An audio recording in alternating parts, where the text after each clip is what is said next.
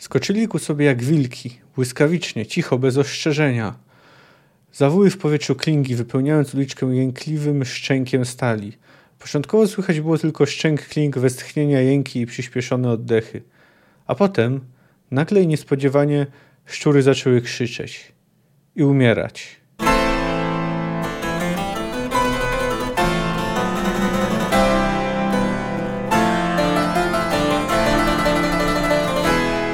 Cześć, jestem Kamil K., a Ty słuchasz mojego podcastu Fantastyka Krok po Kroku. Analizuję w nim rozdział po rozdziale lub opowiadanie po opowiadaniu wybrane książki fantastyczne. Zapraszam.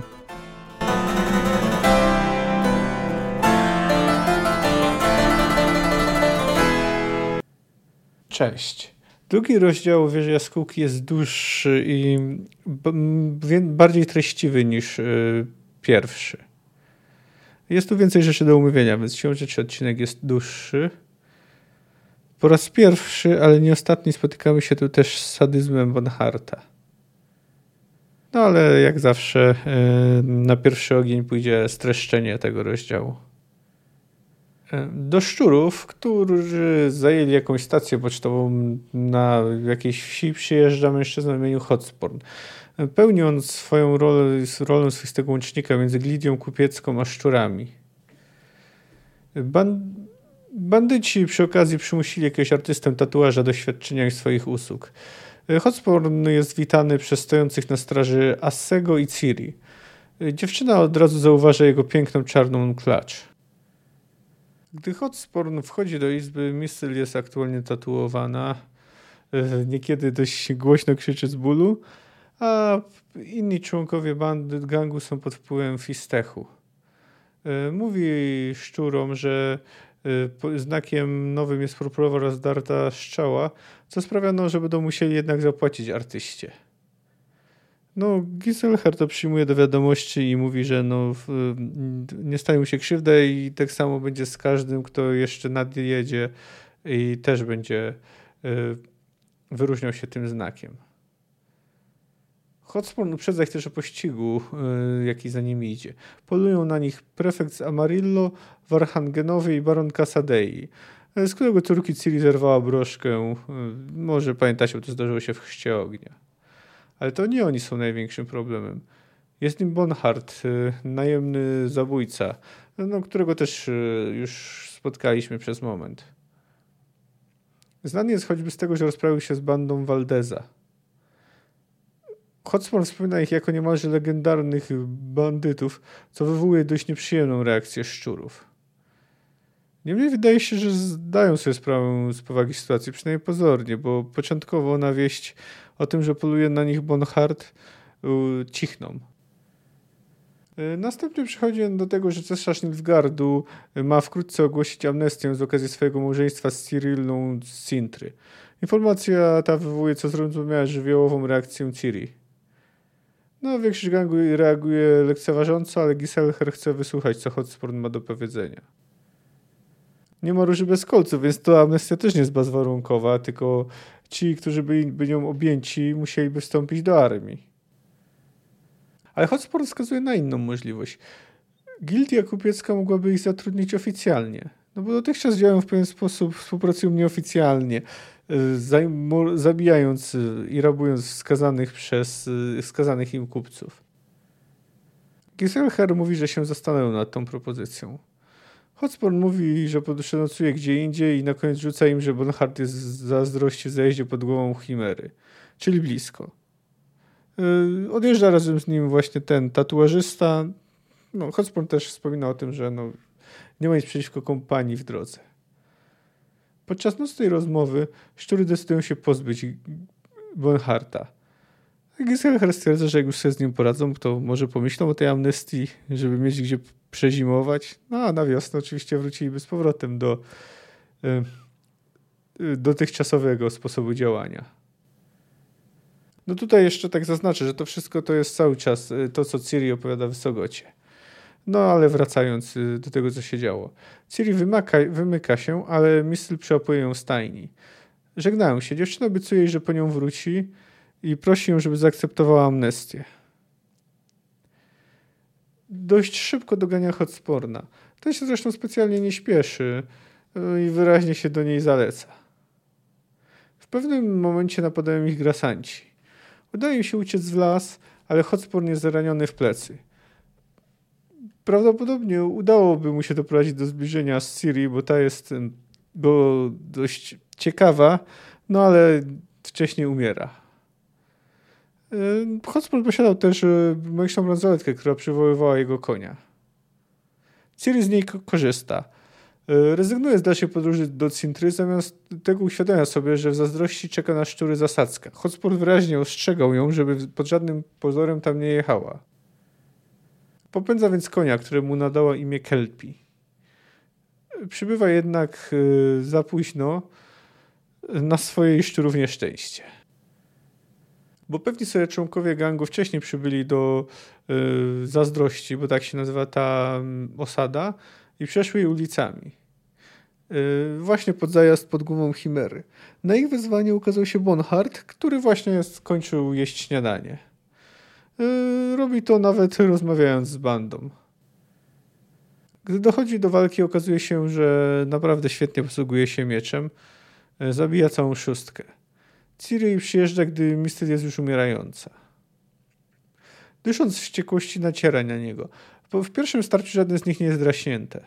Ale Ciri szybciej się męczy. Bonhart jest od niej silniejszy. Ona orientuje się, że nie może sobie pozwolić na parowanie jego uderzeń. Musi podjąć ryzyko. Robi pół pirueta, a potem salto, ale morderczy w zamierzeniu czas jest zablokowany. Następnie Bonhart ją bije i kopie. Pozba pozbawia ją broni, ale jej nie zabija. Ciągnie ją w miejsce, gdzie jeszcze kona Mistel, pokazując jej, jak się umiera. Następnie przywiązuje ją do, koniową, do koniowiązu. Rozkazuje pochałkom, by przytrzymali dziewczynę za oczy i włosy, tak by musiała patrzeć na to, co robi. Następnie odcina martwym szczurom głowy. E, no, Ciri, Ciri płacze, a Wysogota stara się ją pocieszyć. No, jak już mówiłem, to jest dłuższy rozdział. Już w rozmowie ze Skelenem Bonhart prezentował się dość głośno, to tutaj widzimy go w akcji. No jednak, co by nie mówić o szczurach, to fakt, że zdołał pokonać całą szóstkę robi wrażenie. Ale może nim powiem o nim coś więcej, to zacznę od mówienia rozmowy Hotsporna ze szczurami i przy okazji też podsumuję ich wątek. No więc cel Hotsporna, cel w jakim tu przybył, e, no swoją drogą jest opisany jako człowiek, który teoretycznie jest kupcem, ale na handlu, y, handlując nie spędził ani minuty. No ale już wracając do rzeczy. Cel, jego celem jest to, żeby wybadać, czy szczury podporządkują się glidi, czy bez wahania przyjmą tę propozycję. Orientując się, że tak nie jest, że szczury mówią, o, że przemyślą, no to wtedy celowo y, mówi im o Bonharcie. Zdaje sobie sprawę z tego, co zrobią, że spróbują go zabić. Najwyraźniej zdaje sobie też sprawy z umiejętności łowcy nagród i nie ma wątpliwości, że poradzi on sobie z bandą. Wygląda na to, że szczury stały się zbyt dużym problemem, za bardzo narozrabiały i trzeba się ich pozbyć. Oczywiście, no, gdyby zdecydowały się być grzeczne i współpracować, to Glidia mogłaby ich wykorzystać na wiele sposobów. Ale jeśli próbują zachować swoją niezależność, no to cóż, można się lepiej ich, się ich pozbyć. No bo nie da się ukryć, że widać, że y, reputacja Bonharta sięga daleko, bo o ile nie wszyscy członkowie bandy o nich słyszeli, no to czy Giselher, czy Mistel, czy Kajlech słyszeli. No i wyraźnie na chwilę wracą rezon, słysząc y, o nim. To, że Hotspur celowo, celowo ich sprowadził, no to nie ma wątpliwości. Zresztą no, wiedział, z kim ma do czynienia. Wiedział, że ma do czynienia z zadufanymi w sobie, jak on to ujmuje, gówniarzami. No tutaj przytoczę na to kilka cytatów, które to potwierdzają. Zamierzacie tu tkwić do jutra? Zdziwił się nieco przesadnie Hotsporn. Nierozsądnie szczury. Ryzykownie i niebezpiecznie. Że jak? Ryzykownie i niebezpiecznie. Gisel Her wzruszył ramionami. Iskra parsknęła i wysmarkała się na podłogę. Riff, Kejlech i Falka patrzyli na kupca tak, jak gdyby właśnie oznajmił im, że słońce wpadło do rzeczki i trzeba je szybko wyłowić, zanim je raki oszczypią. Hotsporn zrozumiał, że właśnie odwołał się do rozsądku szalonych smarkaczy. że, ostrzegł, że ostrzegł przed ryzykiem i niebezpieczeństwem pełnych szaleńczej brawury fanfaronów, którym pojęcia te były całkowicie obce. Pościg za wami idzie, szczury. No i co z tego?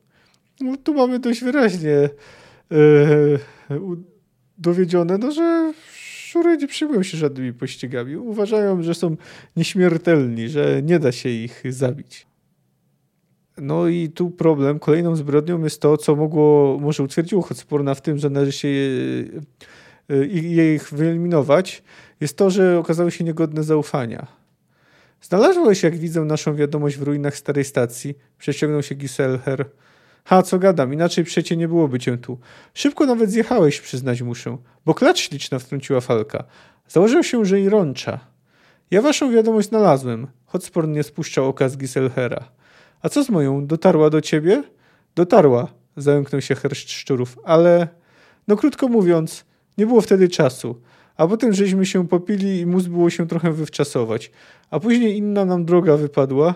Cholerni gówniarze, pomyślał Hotsporn. Krótko mówiąc, nie wykonałeś polecenia. A no nie, wypać Hotsporn. Nie było jak. Ale następnym razem, ho, ho, niezawodnie. Niezawodnie, potwierdził z emfazą Kejlech, choć nikt nie prosił go, by potwierdzał. Cholerni, nieodpowiedzialni gówniarze. Popili się, a później inna droga mi wypadła. Do krawców pofrymuśne, pofrymuśne ciuszki, a nie chybi. No, zapewne z tego powodu Glidia się ich pozbyła. A przynajmniej nie zależało jej tak bardzo na ich przeżyciu. Na co do tego, kim są, no to mamy jeszcze jeden inny cytat, dodaję, który przy okazji podkreśla, jak y, mają krótką y, y, pamięć. A niechby ich zawrócili, rzekł zapalczywie Asse, który jakiś czas temu przyszedł z warty, na której nikt go nie zastąpił i nie zamierzał zastąpić. Poszczerbym ich i tyle. Pewnie! krzyknęła ze stolu Ciri, zapomniawszy już, jak zeszłej nocy wiali przed pogonią przez wioski nad Weldą i jakiego miała wtedy stracha. No można mówić, że Ciri się trochę różni od reszty bandy, ale akurat w tej kwestii wydaje mi się, że jej odczucia są podobne do reszty. No co do samej walki z Bonhartem to niewiele można powiedzieć. No, była krótka i raczej jednostronna. No i przy, wspomnę o niej, jak będę już omawiał samą postać łowcy nagród. No, zostańmy jeszcze przy szczurach. Mm. No bo to nasze z nimi pożegnanie.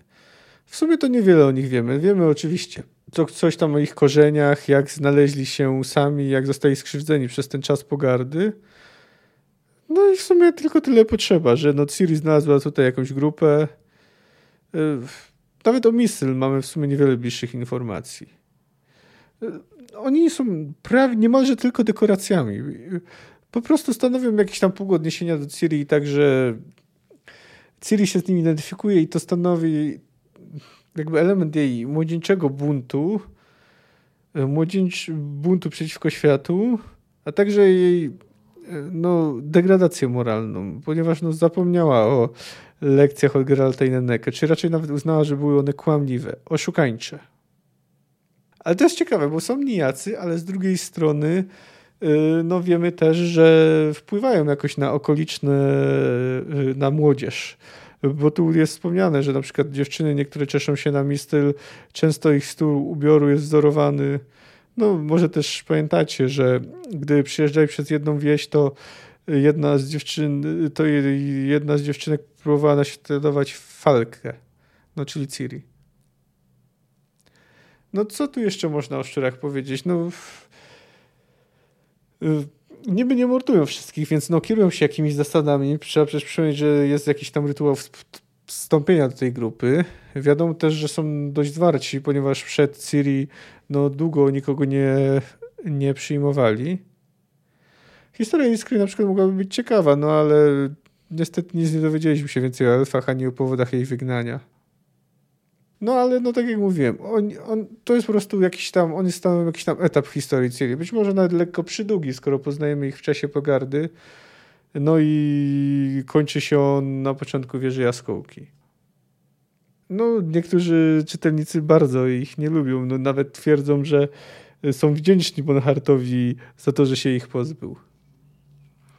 No, ale generalnie tak z punktu widzenia opowiadanej historii to można powiedzieć, że zostały wyeliminowane no nie za późno. i raczej też nie za wcześnie. Mniej więcej w odpowiednim, w odpowiednim momencie. No i tutaj jeszcze trzeba wspomnieć coś o Ciri. O tym, jak ona się y, zachowuje. No bo o ile teraz zacznie cierpieć, no to nie da się ukryć, że za szczurami nie czekało ją nic dobrego. Zresztą w jakim znalazła się właśnie stanie moralnym świadczy ta wymiana zdań. Ten? Wykrzywił się Giselher. Prefekta i Waranhangenów rozumiem, ale czego ten jakiś kasadei na nas zawzięty? Okręcił się wilgowczą skórą, uśmiechnął się Hotsporn i beczy żałośnie. Be, be, nikt mnie nie lubi, nikt mnie nie rozumie, gdzie się nie pokażę kamieniami rzucają. Huscha krzyczą. Za co tak, za co taka krzywda i niesprawiedliwość? Córka barona Kasadei, drogie szczury, po przygodzie nad rzeczką Pilszką do dziś dnia słabuje, gorączkuje. A, przypomniał sobie Giselher. Kareta czwórką tarantów? To ta panna? Ta. Teraz, jak ja mówił, choruje, w nocy z krzykiem się zrywa pana Kajlecha, wspomina, ale osobliwie pannę Falkę i broszkę, pamiątkę po mamusi nieboszce, którą to broszkę panna Falka przemocą jej z sukienki zdzierała. Słowa różne przy tym powtarzając. To wcale nie o to idzie, wrzasnęło ze stołu Ciri, mając okazję wrzaskiem odreagować ból. Okazaliśmy baronowie kontempt i despekt, pozwalając, by na sucho uszła. Trzeba było wychędożyć pannicę. Samej rzeczy Ciri czuła wzrok Hotsporna na swych gołych udach. Wielki to zaiste dyshonor nie wychędożyć. Nie dziwota, że obrażony Kasadej skrzyknął zbrojną hassę, wyznaczył nagrodę. No cóż, no oczywiście Ciri tutaj też chciała trochę uniknąć tego tematu swojego urodzenia, yy, który rzuciła. Yy, no ale też yy, te lekkie żarty z gwałtu, no jednak wiele o niej mówią i o tym, w jakim stała się stanie. No ale tutaj w kontekście Hotsporna to można przytoczyć jakiś jeszcze jeden ciekawy cytat, który może mm, pokazuje trochę jak to Ciri się jak widziała Ciri szczury, jakie były naprawdę, można powiedzieć. Hotspur był dla Ciri zagadką. Widziała go przedtem tylko jeden, jedyny raz, resztę opowiedziała jej Misl. Hotspur i Giselher wyjaśniła, znają się ku moją od dawna. Mają umówione sygnały, hasła i miejsca spotkań. Podczas, ty, podczas tych spotkań Hotspur daje informacje i wtedy jedzie się na wskazany trakt i napada na wskazanego kupca, konwój lub karawanę. Niekiedy zabija się wskazaną osobę. Zawsze też umawiany jest znak. Na kupców z takim znakiem na wozach napadać nie wolno. Ciri początkowo była zdumiona i lekko rozczarowana. Patrzyła na Giselhera jak w tęczu, miała szczury za wzór swobody i niezależności. Sama pokochała tę swobodę, tę pogardę dla wszystkiego i wszystkich. No tu już widzimy w jakim stanie jest Ciri. Aż tu niespodzianie przyszło wykonywać robotę na zamówienie. Jak najemnym zbirom ktoś rozkazywał im kogo bić. Mało tego, ktoś kogoś zakazywał im bić, a oni słuchali, spuściwszy uszy. Coś za coś, wzruszyła ramionami indagowana Misl. Hotspur wydaje nam rozkazy, ale i daje informacje, dzięki którym przeżywamy. Swoboda i pogarda mają swoje granice. W końcu zawsze jest tak, że jest się czymś narzędziem. Takie jest życie, sokoliczko. Ciri była zdziwiona i rozczarowana, ale przeszła jej szybko. Uczyła się. Także tego, by nie dziwić się za dużo i za dużo nie oczekiwać, bo wtedy rozczarowanie bywa mniej dotkliwe. No cóż, no wiemy, że i z miłością y, Ciri, jaką tu Ciri znalazła, było różnie, chociaż trzeba y, wspomnieć, że no pożegnanie Ciri z Mistel jest y, ok, przynajmniej ze strony Ciri, która obiecuje, że po nią przyjedzie. Zresztą podejrzewam, że przynajmniej w momencie składania tej obietnicy naprawdę w to wierzyła. No w końcu planowała zostać król cesarzową Nilfgaardu. No ale właśnie teraz może tak płynnie przy, przejdę właśnie do Ciri no wiemy w jakim punkcie znajduje się moralnie, to, to tutaj jeszcze warto trochę powiedzieć o jej seksualności. To temat już, który delikatnie poruszyłem, jeszcze będzie poruszany, no bo tak się składa, że wielu mężczyzn chce się, że tak to ujmę, do niej dobrać. No wiemy, że przez moment była też mocno zirytowana związkiem z Mysl, chociaż teraz wydaje się, że wszystko jest między nimi w porządku. W końcu Mysl wspomina, że jest dla niej bardzo miła, ale prawdopodobnie Ciri była dla niej bardzo miła, bo była świadoma, że się wkrótce pożegnają, ponieważ no, sama wspominała, że już od czasu incydentów z baronówną y, ogarniała ją złość i poczucie niesprawiedliwości, że zabrano jej to, co powinno jej się należeć y, z tytułu urodzenia. w ogóle z tą seks... no ale z drugiej strony tutaj, jak Hotspur na nią patrzy demonstracyjnie, przytula się do Missel. E, generalnie no i, i seksualność, zwłaszcza jak jeszcze weźmie się pod uwagę, jak zaczął się ich związek, nazwijmy to tak, to jest dość skomplikowana sprawa. No w każdym razie z pewnością nie jest, jest zainteresowana także mężczyznami. To nie ulega wątpliwości. No ale, ale jak sama Ciri się do swojej seksualności odnosi? No to posłuchajcie. Ciri nie podobały się jego spojrzenie i wieloznaczne uśmiechy, a zwłaszcza lekko drwiący ton, jakim zagadywał i odpowiadał na pytania. Przyjęła zatem prostą taktykę. Milczała, mówiła półsłówkami, nie prowokowała. Jeśli się dało, nie zawsze się dało. Zwłaszcza gdy gadał o tej swojej amnestii. Gdy zaś po raz kolejny i dość ostro wyraziła niechęć, Hotspur zaskakująco zmienił front. Zaczął nagle dowodzić, że w jej przypadku amnestia jest zbędna, wręcz jej nie dotyczy. Amnestia obejmuje przestępców, powiedział, nie zaś ofiary przestępstw. Sir ryknęła śmiechem. Sam jesteś ofiara, Hotsport. Mówiłem najzupełniej poważnie, zapewnił. Nie po to, by wzbudzić twą ptaszęcą wesołość, lecz by zasugerować ci sposób na ocalenie skóry w przypadku pojmania. Ma się, ma, ma się rozumieć, że na barona Casadei coś takiego nie podziała. Także od Warnhagenów nie masz co oczekiwać klemencji. Ci w najkorzystniejszym dla ciebie razie zlinczują cię na miejscu szybko i jak dobrze pójdzie bezboleśnie. Gdybyś jednak wpadła w ręce prefekta i stanęła przed surowym, lecz sprawiedliwym obliczem cesarskiego prawa, ha! Wówczas sugerowałbym taką właśnie linię obrony. Zalejesz się zamiast świadczy, że jesteś niewinną ofiarą splotu okoliczności. A kto w to uwierzy? Każdy. Hotsporn pochylił się w kubalce, zajrzał jej w oczy. Bo taka jest przecież prawda. Ty przecież jesteś niewinną ofiarą, Falko. Nie masz jeszcze 16 lat. Według, prawa cesarstwa, według praw cesarstwa jesteś niepełnoletnia. W bandzie szczurów znalazła się przypadkowo. Nie twoją jest winą, że wpadłaś w oko jednej z bandytek Misyl, która, której nienaturalne upodobania nie są żadną tajemnicą. Zostałaś przez Misyl zdominowana, wykorzystana seksualnie i zmuszona do... No i wyjaśniło się, przerwała Ciri sama dziwiąc się swemu spokojowi. Nareszcie wyjaśniło się, o co ci chodzi, Hotspon. Widywałam już takich jak ty. Doprawdy? Jak każdemu kogucikowi, nadal była spokojna, grzebek ci się podnosi na myśl o mnie i o myśl. Jak każdemu głupiemu samczykowi świta ci w głupim łbie myśl, by spróbować wyleczyć mnie z przeciwnej naturze choroby, nawrócić zboczoną na drogę prawdy. A wiesz, co w tym wszystkim jest wstrętne i przeciwne naturze? Takie myśli właśnie.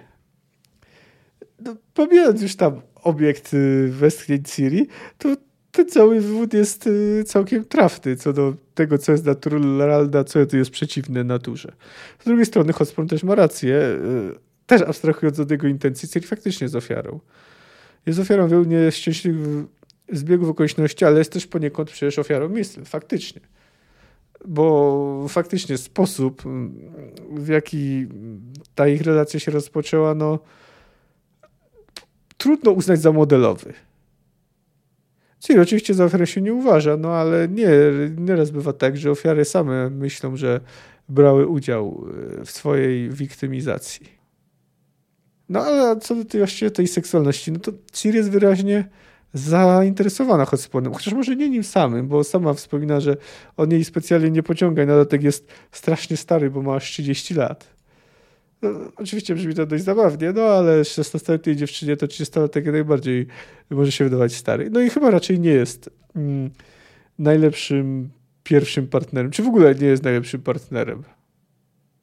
A tu tak jeszcze na marginesie warto tutaj pochwalić Jennifer, że przeprowadziła z Siri yy, że przeprowadziła y, Steel taką krótką lekcję, nazwijmy to edukacji seksualnej, że wspomniała jej, żeby liczyć dni od ostatniej miesiączki, y, nim zrobi się naprawdę gorąco, bo wtedy to różnie bywa z liczeniem. No, abstrahując od tego, że pewnie czarodziejki znają sposoby, sposoby żeby sobie, hmm, gdyby do czegoś doszło, poradzić, chociaż no akurat chyba byłyby poza zasięgiem dziewczyny to zostawmy to. W każdym razie Ciri z pewnością jest zainteresowana mężczyznami. Nie unieważnia to relacji, jaką łączyłem z Misty, ale biorąc pod uwagę, jak wyglądała i że chyba, e, no jeśli to się zdarzy, to jednak to, to odwołam e, w którymś z przyszłych rozdziałów, chyba nie wykazywała więcej pociągu do kobiet.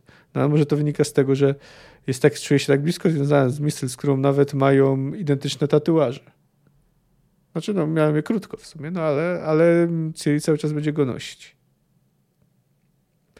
A tak swoją drogą, już jesteśmy przy rozmowie Hotsporna i Ciri, to ogólnie ten rozdział jest raczej ponury, poważny i bardzo nieprzyjemny.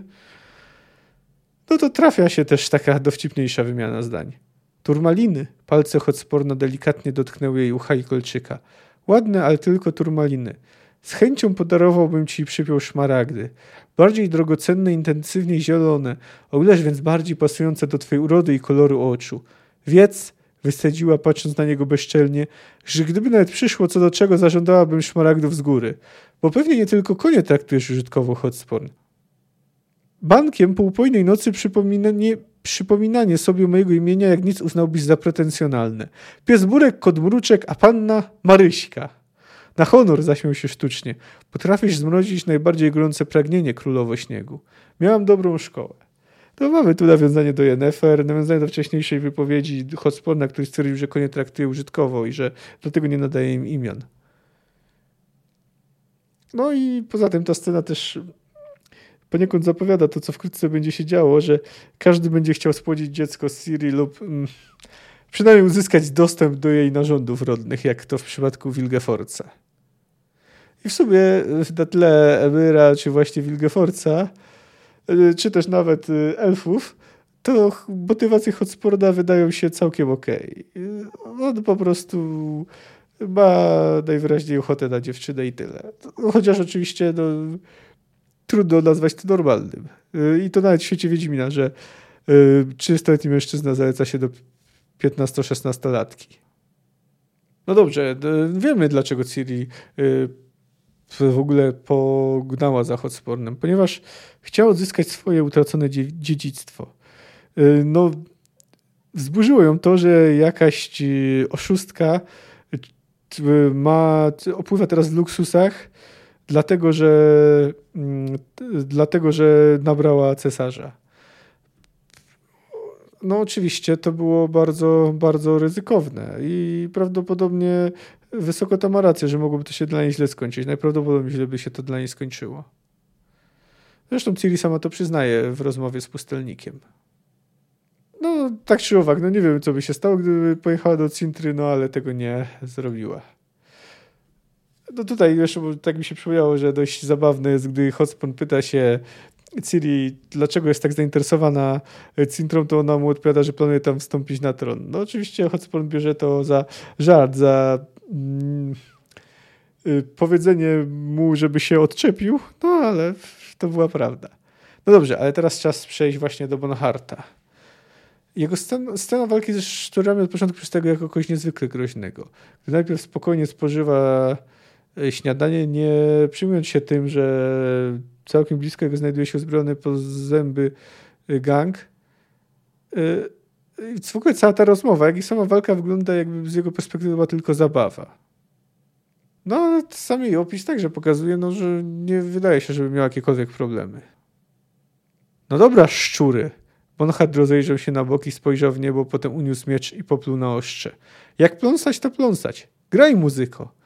Skoczyli ku, so, ku, sobie jak wilki, błyskawicznie, cicho, bez ostrzeżenia. Zawyły w powietrzu klingi, wypełniając uliczkę jękliwym szczękiem stali. Początkowo słychać było tylko szczęk kling, westchnienia, jęki i przyspieszone oddechy. A potem nagle i niespodziewanie szczury zaczęły krzyczeć i umierać.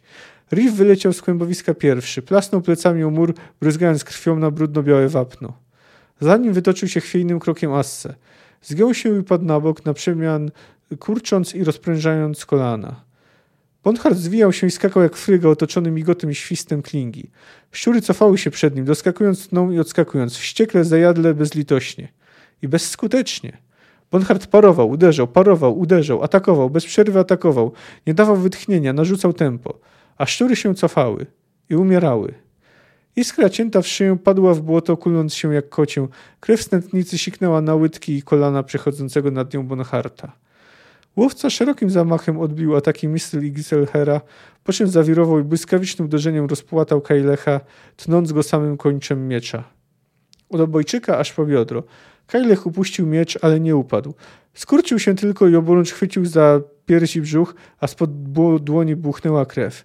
Bonhard znowu wywinął się spod ciosu Giselhera, sparował atak misyl i rąbnął Kajlecha jeszcze raz, tym razem zamieniając mu bok głowy w szkarłatną miazgę. Jasnowłosy szczur upadł, rozbryzgując kałużę krwi zmieszanej z błotem. Misel i Giselher zawahali się na moment i zamiast uciekać wrzasnęli jednym głosem dziko i wściekle i rzucili się na Bonharta. Znaleźli śmierć. No robi to wrażenie. Widzimy tutaj, jak Bonhart jest opisane, że unika wszystkich ciosów albo je paruje i po prostu konsekwentnie zabija kolejnych członków gangu. I w sumie jeszcze większe wrażenie musi robić, że, że pokonał Ciri. Bo no, początek tej walki, co ciekawe, jest opisywany Stefanowi Skellenowi przez e, syna trumniarza Nyklera. No, tam jest opowiedziane o tym, że Bonhart i Ciri ruszyli na siebie i obydwoje e, bardzo ostro nacierali, ale z pierwszego starcia obydwoje wyszli bez szwanku. No tutaj warto zwrócić uwagę też na stan emocjonalny. Bonhart był spokojny, dla niego to była praca, a Ciri wściekła. No, trudno jej się dziwić, względem to, że jej przyjaciele właśnie zostali zamordowani. A ukochana no, praktycznie na jej oczach. No ale y, sam przebieg walki uświadomił ją, że być może porwała się z motyką na słońce. Że może nie mieć szans zwyciężyć, ponieważ y, przy każdym parowaniu, za każdym razem, gdy ich miecze się stykały, czuła ból przeszywający jej, jej rękę. Nie mogła sobie pozwolić na dalsze parowanie. Nie mogła wytrzymać tempa, jakie on był w stanie narzucić. No więc musiała zaryzykować. No nie skończyło się to dla niej dobrze. Ciri dyszała.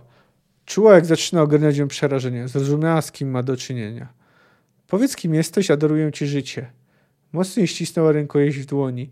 Musiała, musiała przejść przez jego parady, rąbnąć go, nim się zastawi. Nie mogła pozwolić, by odbijał jej ciosy, nie mogła przyjmować mieczem jego uderzeń, nie mogła już ani razu zaryzykować bólu i paraliżu, który przeszywał i ogarniał przy paradach łokieć i przedramiu. Nie mogła tracić energii na bierne wymykanie się spod jego cięć, chybiających ją ledwo o grubość włosa. Wyminąć zastawę, pomyślała, zaraz, w tym starciu, albo umrzeć. Umrzesz, szczurzyco powiedział idąc ku niej z wyciągniętym daleko do przodu mieczem. Nie boisz się? To dlatego, że nie wiesz, jak wygląda śmierć. Kaer Moren, pomyślała skacząc. Lambert, grzebień, salto. Zrobiła trzy kroki i pół piruet, a gdy zaatakował, lekceważąc fintę, wywinęła salto w tył. Podła w zwinny przyklęk i natychmiast runęła na niego, nurkując pod jego klingę i wykręcając przegub do cięcia, do strasznego ciosu popartego mocnym skrętem bioder. Nagle ogarnęła ją euforia. Już prawie czuła, jak oszcze wgryza się w ciało. Zamiast tego było twarde, jękliwe zderzenie metalu z metalem i nagłe błyśnięcie w oczach, wstrząs i ból. Poczuła, że pada. Poczuła, że upadła.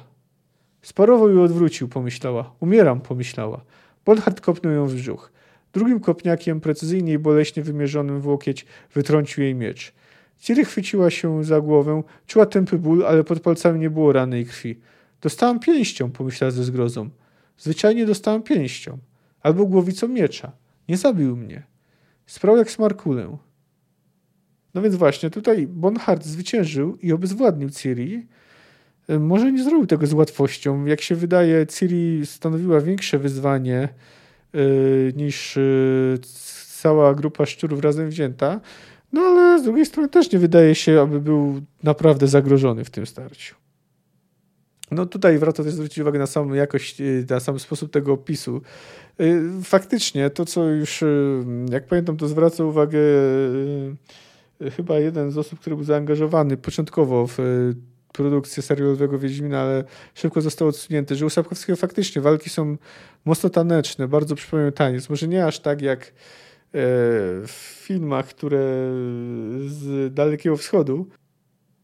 Tutaj kojarzy mi się ukryty, na przykład ukryty tygrys, przyczajony smok, ale no e, sporo było filmów. Może to jest lekka przesada, ale generalnie widać, że Sałkowski tak nie stawia tak bardzo na realizm e, w walkach, zwłaszcza gdy mówimy tu o sposobie walki wiedźmińskiego, no a przecież e, tego właśnie nauczono Ciri.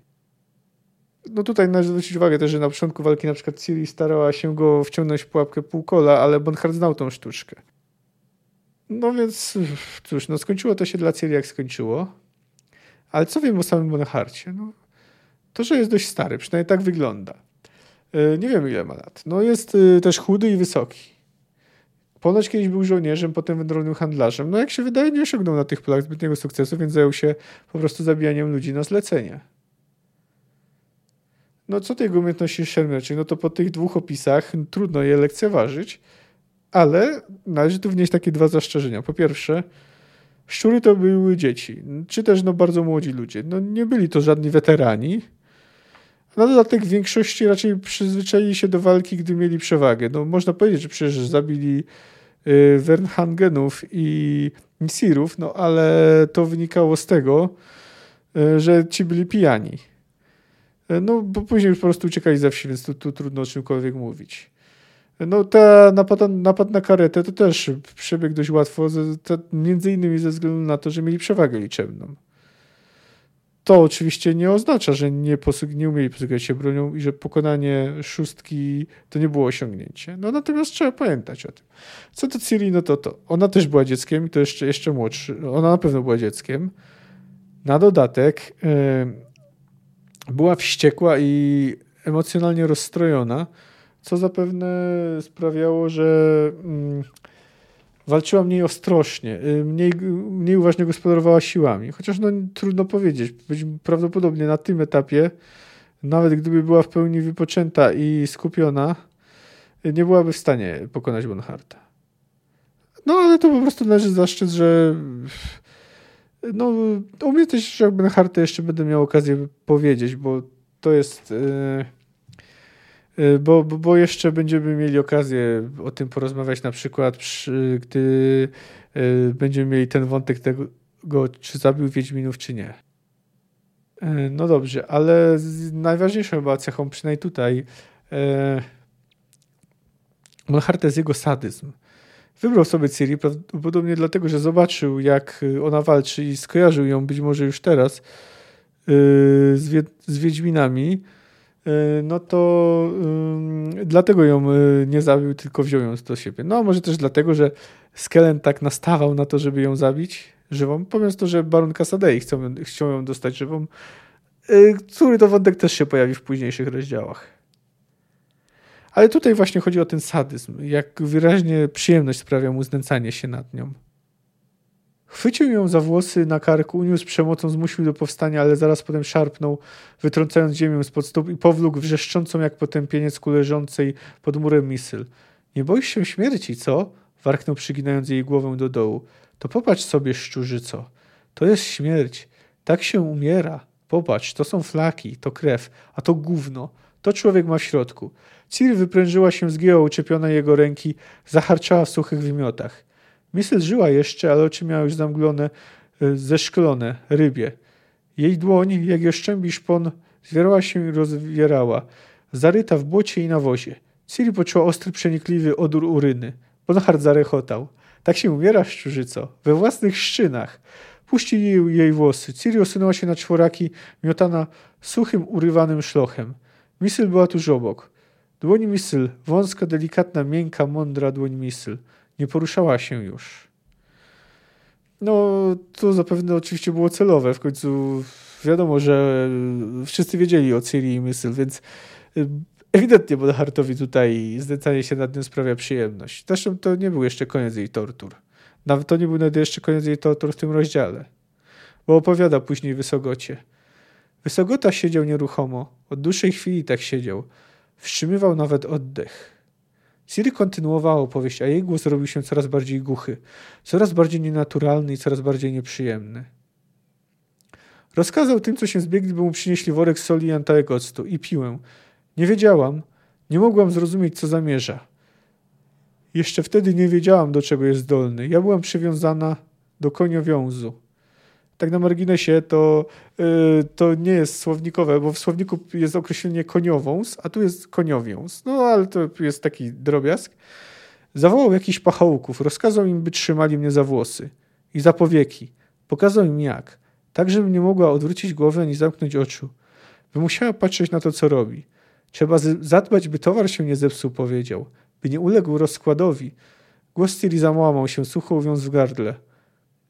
Wysokota, wiedząc nagle, co usłyszy, poczuł, jak ślina wzbiera mu w ustach, jak fala powodzi. Oderżnął im głowy, powiedziała głucho Ciri. Piłą. Giselher, Kejlech, Asse, Rif, Iskra. I Mysyl. Ożdżynął im głowy. Po kolei. Na moich oczach. No więc właśnie. Zresztą wydaje się, że już teraz Bonhart miał wobec niej jakiś plan. No a jego obsesja na punkcie Ciri będzie tylko narastać, zwłaszcza gdy w końcu mu się wymknie. No ale na razie to tyle, no bo jeszcze będziemy mieli nieprzyjemność yy, trochę się z nim zetknąć. No ale najpierw zostało kilka drobiazgów i jedna może trochę ważniejsza sprawa do omówienia. Yy, nazwa Zazdrość, ona wzięła się stąd, że ponoć jakiś elf.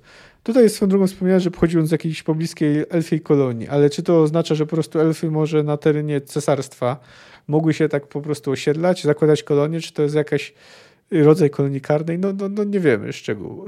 Czegoś na kształt rezerwatu, no nie wiem, albo gesta?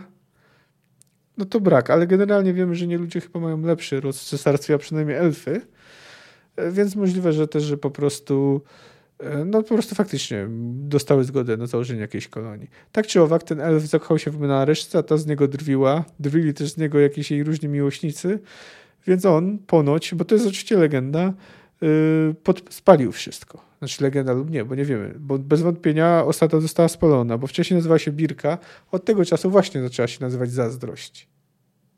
Ale to, to, to warto zwrócić uwagę, że na przykład co do nazwy tej osady, że no, szczury też zginęły właśnie z zazdrości o sławę Waldeza. O to, że nie mogli znieść tego, że ktoś im rzuca właśnie Waldezem, y, który został zamordowany przez Bonhorta. Chcieli, chcieli pokazać, że nie są gorsi. No in, inne zagadnienie, no to Kelpi. Koń odporna, który przejął Ciri. Przy okazji wspominając y, o, o zwyczaju w Skellige, że y, pierwszy kochanek miał wręczyć dziewczynie jakiś drogocenny prezent. No, oczywiście technicznie rzecz biorąc ten Hotspur nie został zdążyć, nie zdążył zostać jej kochankiem. W każdym razie Kelpi to bardzo niezwykła klacz, bo, bo Kelpi to oczywiście imię, które nadała jej Ciri.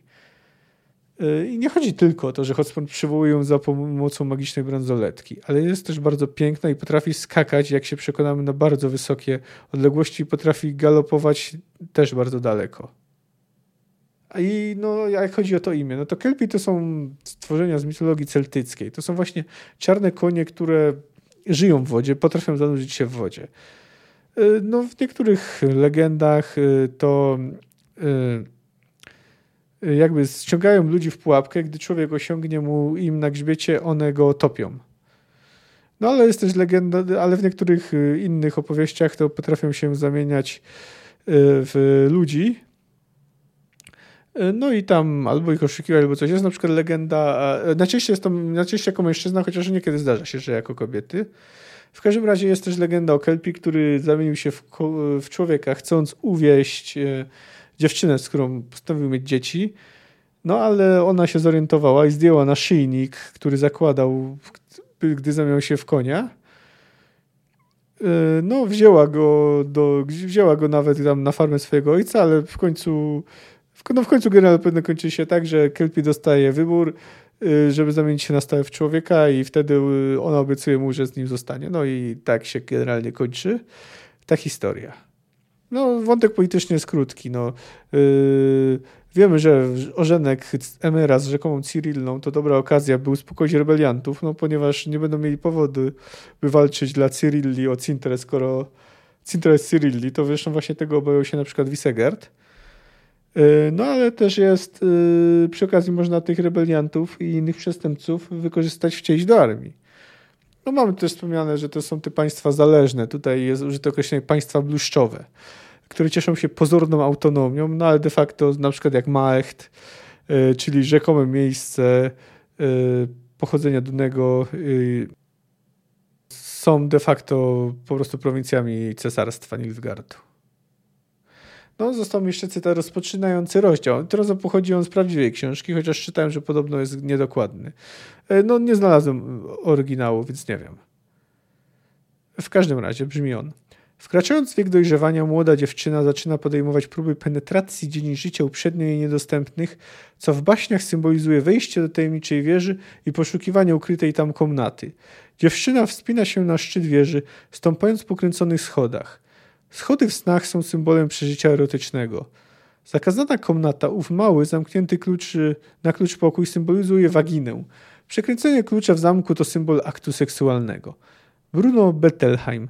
The uses of ench en enchantment, the meaning and importance of fairy tales.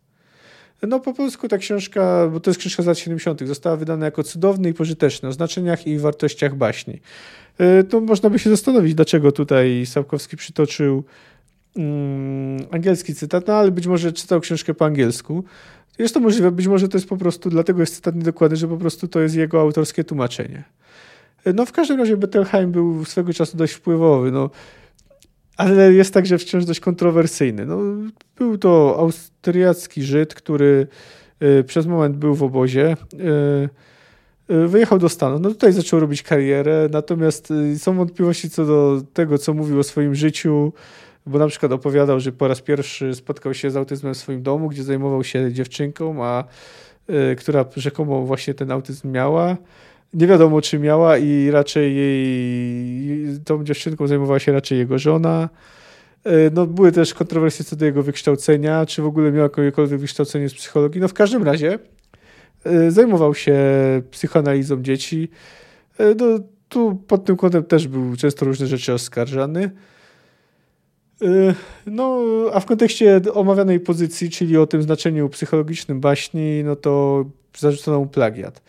A i sama ta interpretacja jest mocno dyskusyjna, no bo oczywiście wieża może stanowić y, metaforę właśnie tego dojrzewania, ale tak po prawdzie to wszystko może, może ją stanowić, jak się odpowiednio zinterpretuje, no bo dajmy na to opis zawodów y, lekkoatletycznych, prawda? Bicie rekordu i już mamy przejście jakby do kolejnego stadium.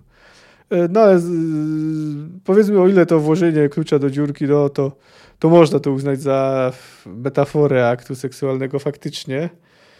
Yy, no bo powiedz, w końcu to jest yy, takie znane skojarzenie dość.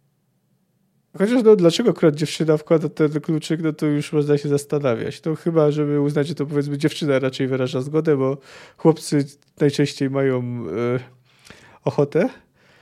Yy, no i ale dlaczego wchodzenie po pokręconych schodach jest, to jest przeżycie erotyczne, są jego symbolem, to w sumie to nie wiem. To wydaje mi się, po prostu jest założenie, że wieża to jest przeżycie dojrzewanie, no więc schody muszą być przeżyciem erotycznym. I tak dziwne, że nie zauważono tutaj, y, że prawda, stercząca wieża to symbol faliczny. No, ogólnie nie bardzo mi się podoba te, przytoczenie tego cytatu. To znaczy, oczywiście, no, wskazuje on na wydarzenia, które dzieją się w tym rozdziale, prawda, choć sporna, a i szerzej w całej wieży jaskółki, no bo tutaj w końcu Ciri już będzie drugi raz wchodzić do jakiejś wieży, nawet jeśli ta wieża okaże się nie do końca wieżą. Y, no, ale czy to było potrzebne? Koniecznie. Generalnie podobają mi się te cytaty przed, przed rozdziałami. Natomiast ten, wydaje mi się no niepotrzebny. Ale no, też no, nie jest to jakaś y, coś bardzo ważnego. No i tutaj jeszcze ta, jeszcze jedna e, rzecz, czyli no, to już trochę o tym mówiliśmy, bo na tym już opierał się pierwszy rozdział, czyli to powtarzanie tego, że Ciri Wysogota siedzą w chacie i gdyby ktoś podszedł, to by co by jakąś tam scenę zobaczył. To taki powtarzający się motyw w jednej postaci, z drugiej co się działo, to jak wspominałem kiedyś o baśniach z Tysiące Jednej Nocy, ale też na przykład w średniowiecznym Decameronie mamy też podobny motyw, gdzie tam, no tylko tam większa grupa osób opowiada sobie różne historie. No ale tutaj pozwala to też jednak znaleźć i czytelnikowi takie odprężenie, jak w cytacie kończącym ten rozdział. Gdyby tej nocy ktoś dał podkraść się do zagubionej wśród maczarów chaty z zapadniętą i obrośniętą mchem szczechą, gdyby zajrzał przez szpary w okiennicach, zobaczyłby w skąpo oświetlonym wnętrzu siwobrodego starca w kożuchu i popielato włosą dziewczynę z twarzą zeszpeconą przez bliznę na policzku. Zobaczyłby, jak dziewczyna trzęsie się od płaczu, jak dławi się szlochem w ramionach starca, a ten próbuje ją uspokoić, niezgrabnie i machinalnie głaszcząc i poklepując dygoczące od spazmów ramiona. Ale to nie było możliwe. Nikt nie mógł tego zobaczyć. Chata była dobrze, ukry... Chata była dobrze ukryta wśród y, trzcin na moczarach, na wiecznie pokrytym mgłą pustkowiu, na które nikt nie odważa się zapuszczać. No właśnie, ten na koniec rozdziału Ciri może się już wypłakać, ale z drugiej strony, no wiemy, że przynajmniej tymczasowo jest bezpieczna. No, co można powiedzieć o tym rozdziale? No, jest dość brutalny chyba najbrutalniejszy z dotychczasowych. No, wydaje się, że niesie w sobie większy negatywny ładunek emocjonalny niż nawet walka Geralta z Wilgeforcem. No, stanowi też ważne przejście. Ciri już y, odchodzi od bandy szczurów i chociaż no, jeśli chodzi o same jej przeżycia, to no jeszcze przed nią, to powiedzmy, że dna moralnego zaczyna się odbijać. No, to jest dobry rozdział. Nie, mów, nie powiedziałbym, że jest przyjemną lekturą, ale jest dobrze napisany i nie mam wobec niego większych zastrzeżeń, no, oprócz może tego cytatu z początku. Za tydzień omówię to, co działo się z Geraltem i jego kompanią. No, między innymi. E, jeśli chcecie się ze mną skontaktować, no to czy, przypominam maila kamil.fantastyka.gmail.com Możecie to też zrobić e, na Instagramie lub Twitterze. E, no i to chyba tyle. Do usłyszenia za tydzień. Cześć.